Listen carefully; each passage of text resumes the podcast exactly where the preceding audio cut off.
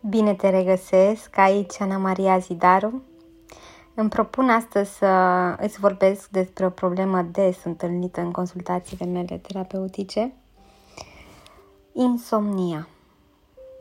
Ți s-a întâmplat să te trezești la 3-4 dimineața și să te perpelești în pat încercând să, să adormi la loc? Ba, ți se îți vine să te tot uiți la ceas, cum trec orele și să reușești sau nu, să închizi un ochi. Desigur că din această cauză se instalează frustrarea și epuizarea, reușind să adormim cu greu sau ne trezim de mai multe ori pe noapte și nu ar fi aceasta problemă dacă ar fi chiar o chestiune temporară, însă poate deveni agresivă sau chiar cronică, lăsându-ne cu stări continue de irascibilitate, probleme de concentrare, chiar cu, cu o stare generală de, de oboseală pe parcursul uh, zilei. Pentru a afla cauzele instalării insomniei, cât și recomandările pentru obținerea unui somn uh, odihnitor, te invit să citești întregul uh, articol de pe blogul uh, paginii mele, anamariazidaru.com și vorbind despre insomnie, insomnia apare frecvent pe fond de stres, pe lângă medicamentele pe care le prescriu medicii, Uh, somnifere, antistaminice. Mai sunt uh, efective și exercițiile de respirație ghidată. Și meditațiile pot ajuta prin uh, practica repetată la, la reducerea sau chiar eliminarea insomniei. Astăzi mi-am propus să te răsfăți cu o meditație care să te conducă către un somn odihnitor. Recomand să fie ascultată seara la culcare, nici de cum în timpul activităților care, care solicită atenția, cum ar fi condusul.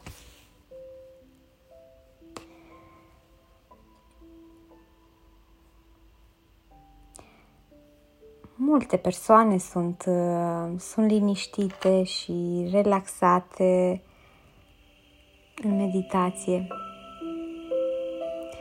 Astfel încât această relaxare este numai bună pentru a dormi. Și asta este într-adevăr foarte plăcut.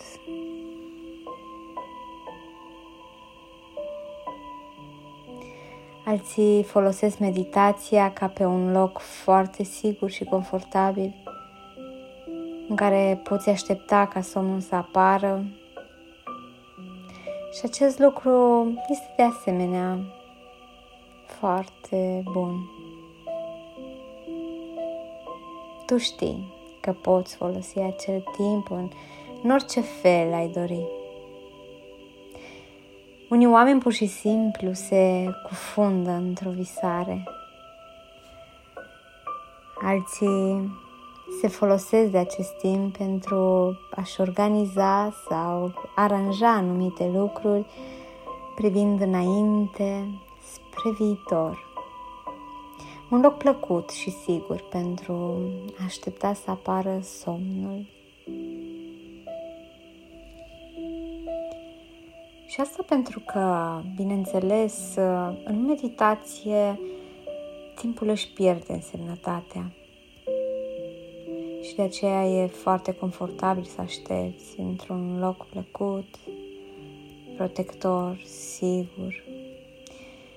E foarte bine să fii treaz într-o, într-o așteptare confortabilă a somnului.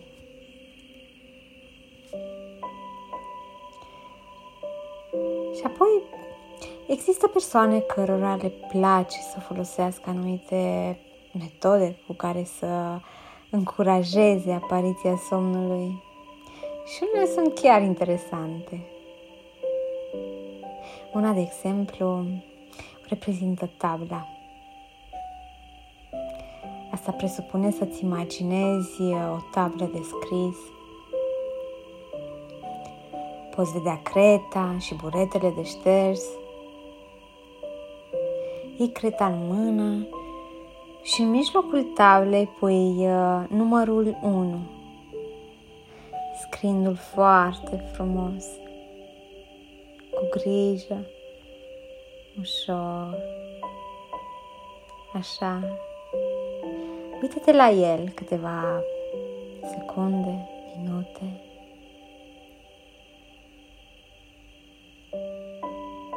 Iar apoi șterge-l pe, pe unul iar într-un colț al tablei hmm, mă și întreb care colț îl vei alege. Într-un colț scrie cuvântul somn.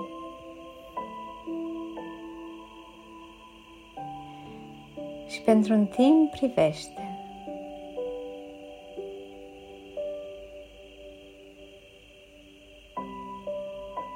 Iar apoi șterge.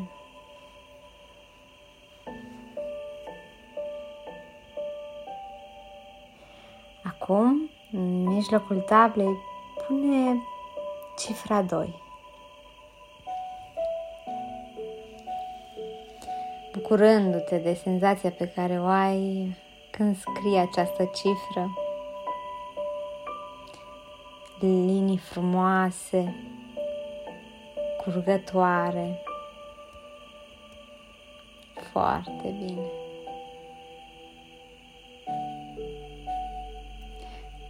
Te uiți la ea, la cifra 2,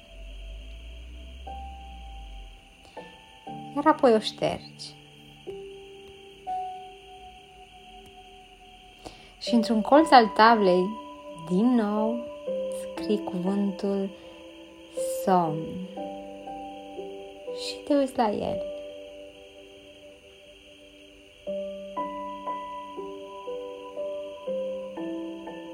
Iar apoi îl ștergi. Continuă să scrii un număr și să-l ștergi.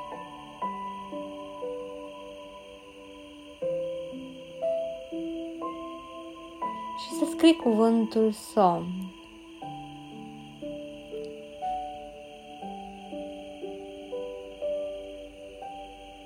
Iar apoi să-l ștergi. Și apoi alt număr.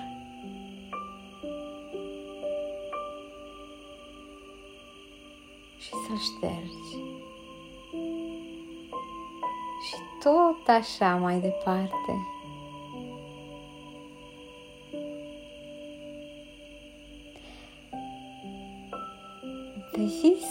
Surprins, surprinsă să descoperi că te trezești și e dimineață. Și întotdeauna interesant să te gândești câte numere ai scris. E foarte, foarte neobișnuit ca cineva să ajungă să scrie mai mult de 10 cifre. Poți fi curios, curioasă, dacă te decizi să explorezi această abordare, să afli cât de multe numere vei scrie înainte de a te descoperi trezindu-te dimineața. Există și alte metode specifice care cheamă somnul. De exemplu, uneori este mai amuzant să găsești uh, mai multe cuvinte care au de-a face cu somnul. Și să petrești timpul reamintindu-ți-le, gândindu-te la cuvinte ca somn, somnoros, dorm, adormit, vis, visător, Uneori cuvinte ca și confortabil, bernă, toate cuvintele la care te poți gândi care au legătură cu somnul. E ca și cum ai juca un joc. Știi, unora le place să hoinărească de-a lungul unei cărări minunate, din care se, se desprind poteci care te poartă spre locuri pline de încântare. Și fiecare loc în care te poartă cărarea are ceva foarte confortabil pentru somn. Alta te poate duce la, la un coș unde vezi dormind o pisicuță. Alta poți, altă dată poți ajunge în, în dormitorul tău preferat de când erai mic, micuță, unde dorești să dormi și să visezi vise minunate. Lucruri ca acestea, fiecare potecuță, fiecare cărare, purtându-te în locuri anume care au ceva foarte special de a face cu somnul.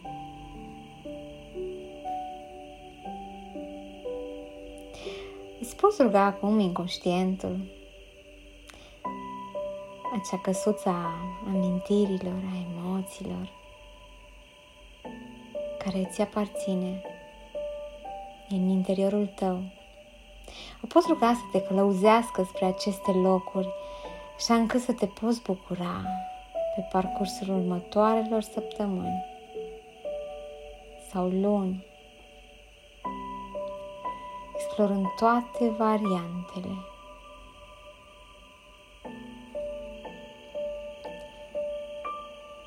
Întoarce-te acum înapoi în timp când erai bebeluș, poate, poate în copilărie. Acel timp din viața ta când somnul era atât de natural, atât de ușor. Când pur și simplu venea ca un dar.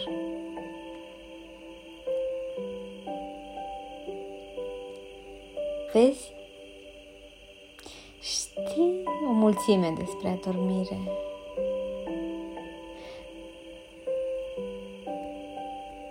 corpul tău știe cum să adoarmă. A știut cum să adoarmă chiar dinainte să, ca tu să te fi născut. Lasă-ți corpul și voi cere permisiunea inconștientului tău să se refamiliarizeze cu aceste profunde cunoștințe ale tale.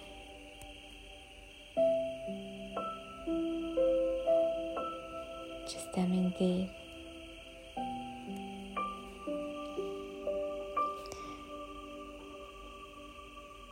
Gândirea ta, conștiința ta pot face tot ce doresc să facă, în timp ce inconștientul tău și corpul tău reînnoiesc această familiarizare, aceste amintiri plăcute despre somn. Poți fi conștientă conștient de ceva din senzațiile calde, confortabile pe care această reînnoire le evocă. Doar lasă aceste senzații să te pătrundă ușor și lin. Așa.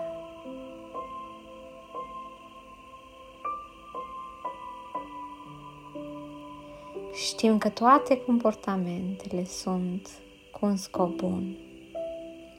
Așa că pentru un motiv anume, care poate rămâne un mister pentru conștiința ta, inconștientul tău considera că ai nevoie să stai treaz sau să dormi foarte superficial.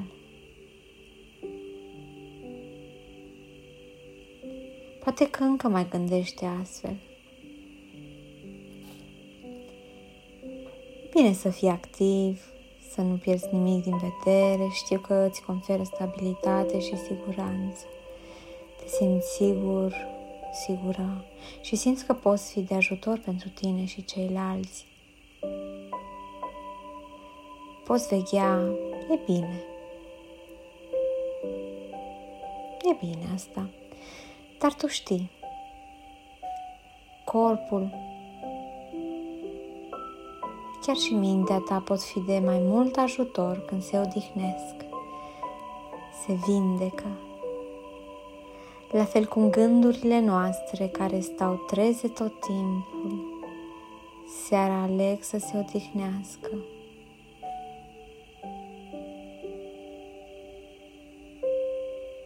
La fel ca fiecare vietate.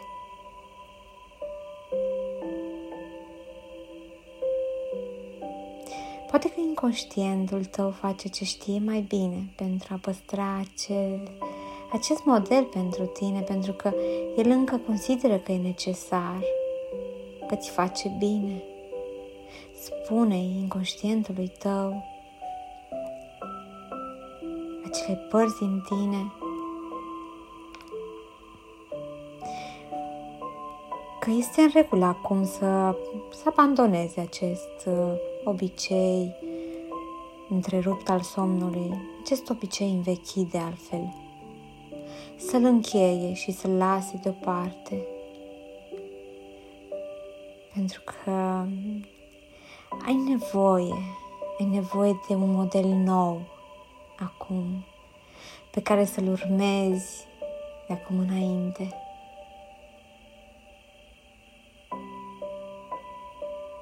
Poate în timp va veni momentul ca inconștientul tău să te lase să știi care a fost adevărata nevoie, acea veche nevoie.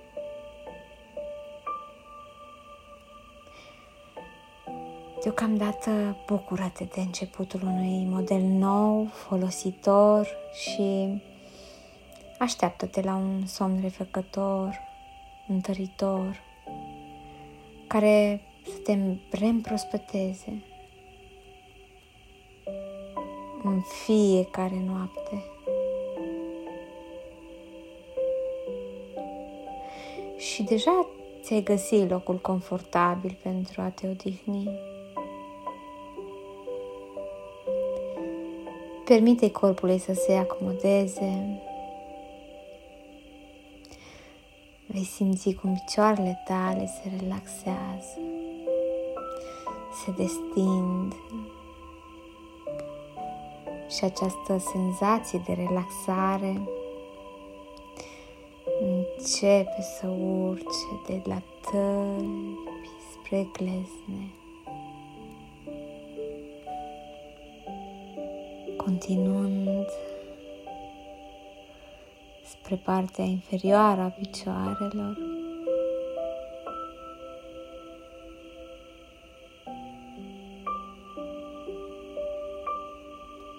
Senzația de relaxare profundă, continuă, să-ți, să-ți urce spre coapse.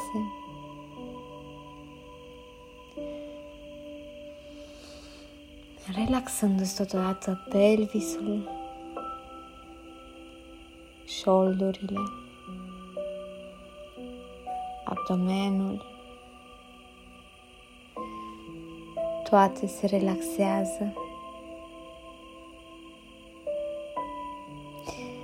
Mușchii abdominali simți cum se relaxează urmărind dansul respirației tale. Simți uh, ușurarea care apare atunci când uh, pieptul se relaxează. Și această senzație pe care o simți acum, din ce în ce mai tare, mai profundă. Ajungând spre mușchii care susțin coloana vertebrală, relaxându-i și lăsând corpul să se profunde.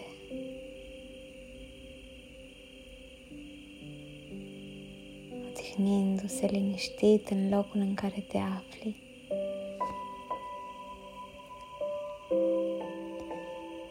Încep să percepi, să auzi ușor cuși mai profund această mult așteptată odihnă. De plină relaxare.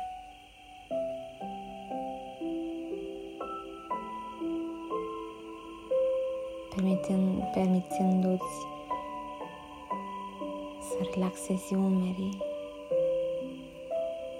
foarte bine. Lasă-i să cadă ușor în lateral. Ca atunci când pui o, o haină în cuier. Exact așa se pun și grijile, tensiunile în cuier. Foarte bine. Continuă pe brațe până când ajunge la coate relaxând încheieturile, mâinile și degetele.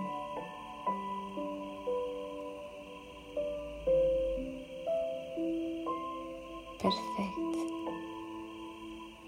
Știi acum că poți și e adevărat că poți și chiar reușești ori de câte ori îți dorești să te relaxezi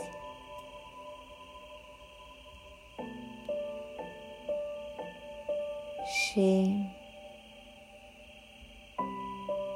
da, e posibil sau, sau nu să simți în vârfurile degetelor, să simți bătăile inimii tale în vârful degetelor.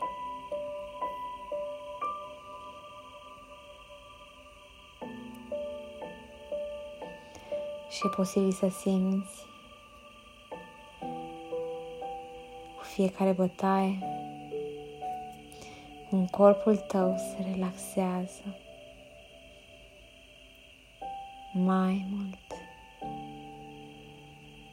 și mai relaxat. Mult mai relaxat.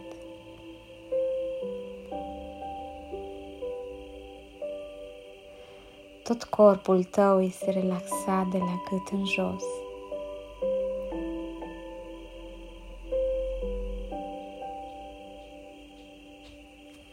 Respirând în continuare, profund, trimițând astfel tot sângele, sângele care ajunge în tot corpul tău, în același mod în care ascult vocea mea, corpul tău se relaxează mai mult și mai mult. Și în acel sentiment de relaxare, începe să urce spre gât, lăsând gâtul și scalpul relaxat.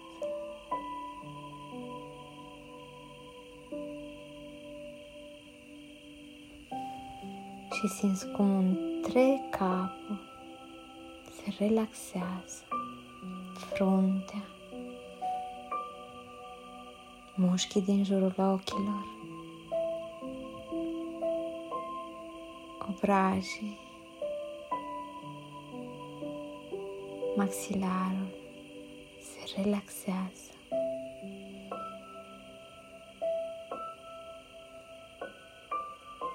Relaxează-te, lăsând ochii să se odihnească.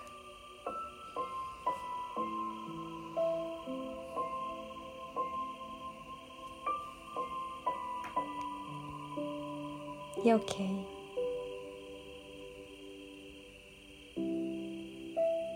Permiteți ca întregul tău corp să, să se relaxeze în totalitate. Și acum voi număra de la 1 la 10 și cu fiecare număr simți cum corpul cade în profundă relaxare. 1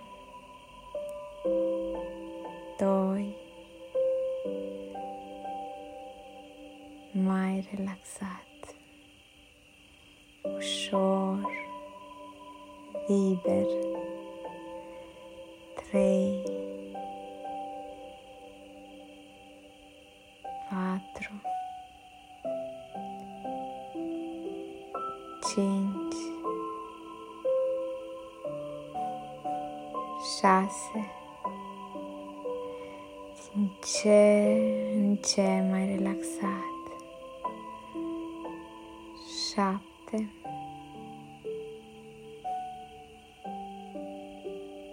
8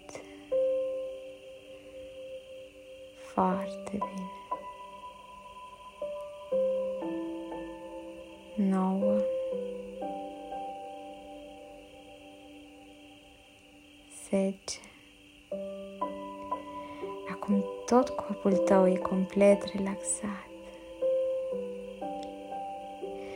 Și voi cere permisiunea inconștientului tău să intre într-o odihnă profundă. Am să te las aproximativ 3 minute în starea aceasta de relaxare și profundă odihnă. Astfel încât uh, în 3 minute, când o să reluăm această meditație, o să simți corpul și mintea ta ca și cum s-ar fi odihnit întreaga noapte. Asta înseamnă că în cele 3 minute corpul tău o să intre într-o odihnă ce va echivala cu 8 ore de somn. Și începem acum.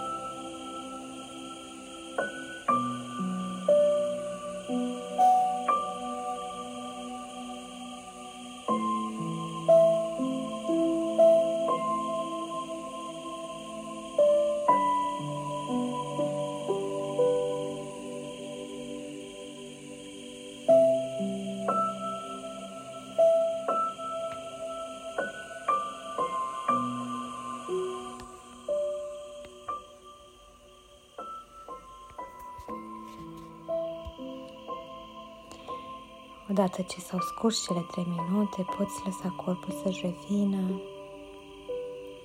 ușor reluând temperatura renundu-și temperatura normală, tonicitatea.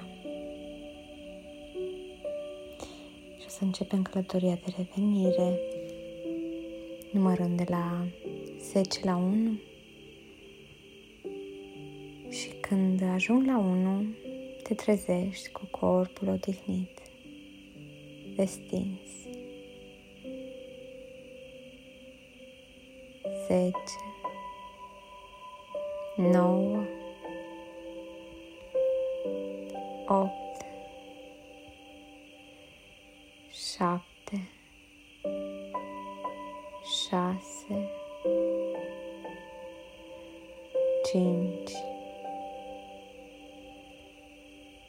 4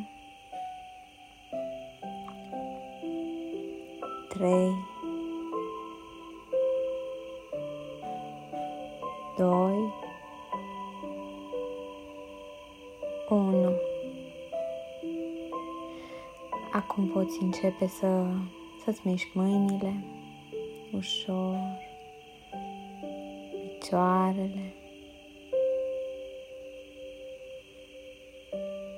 și să revii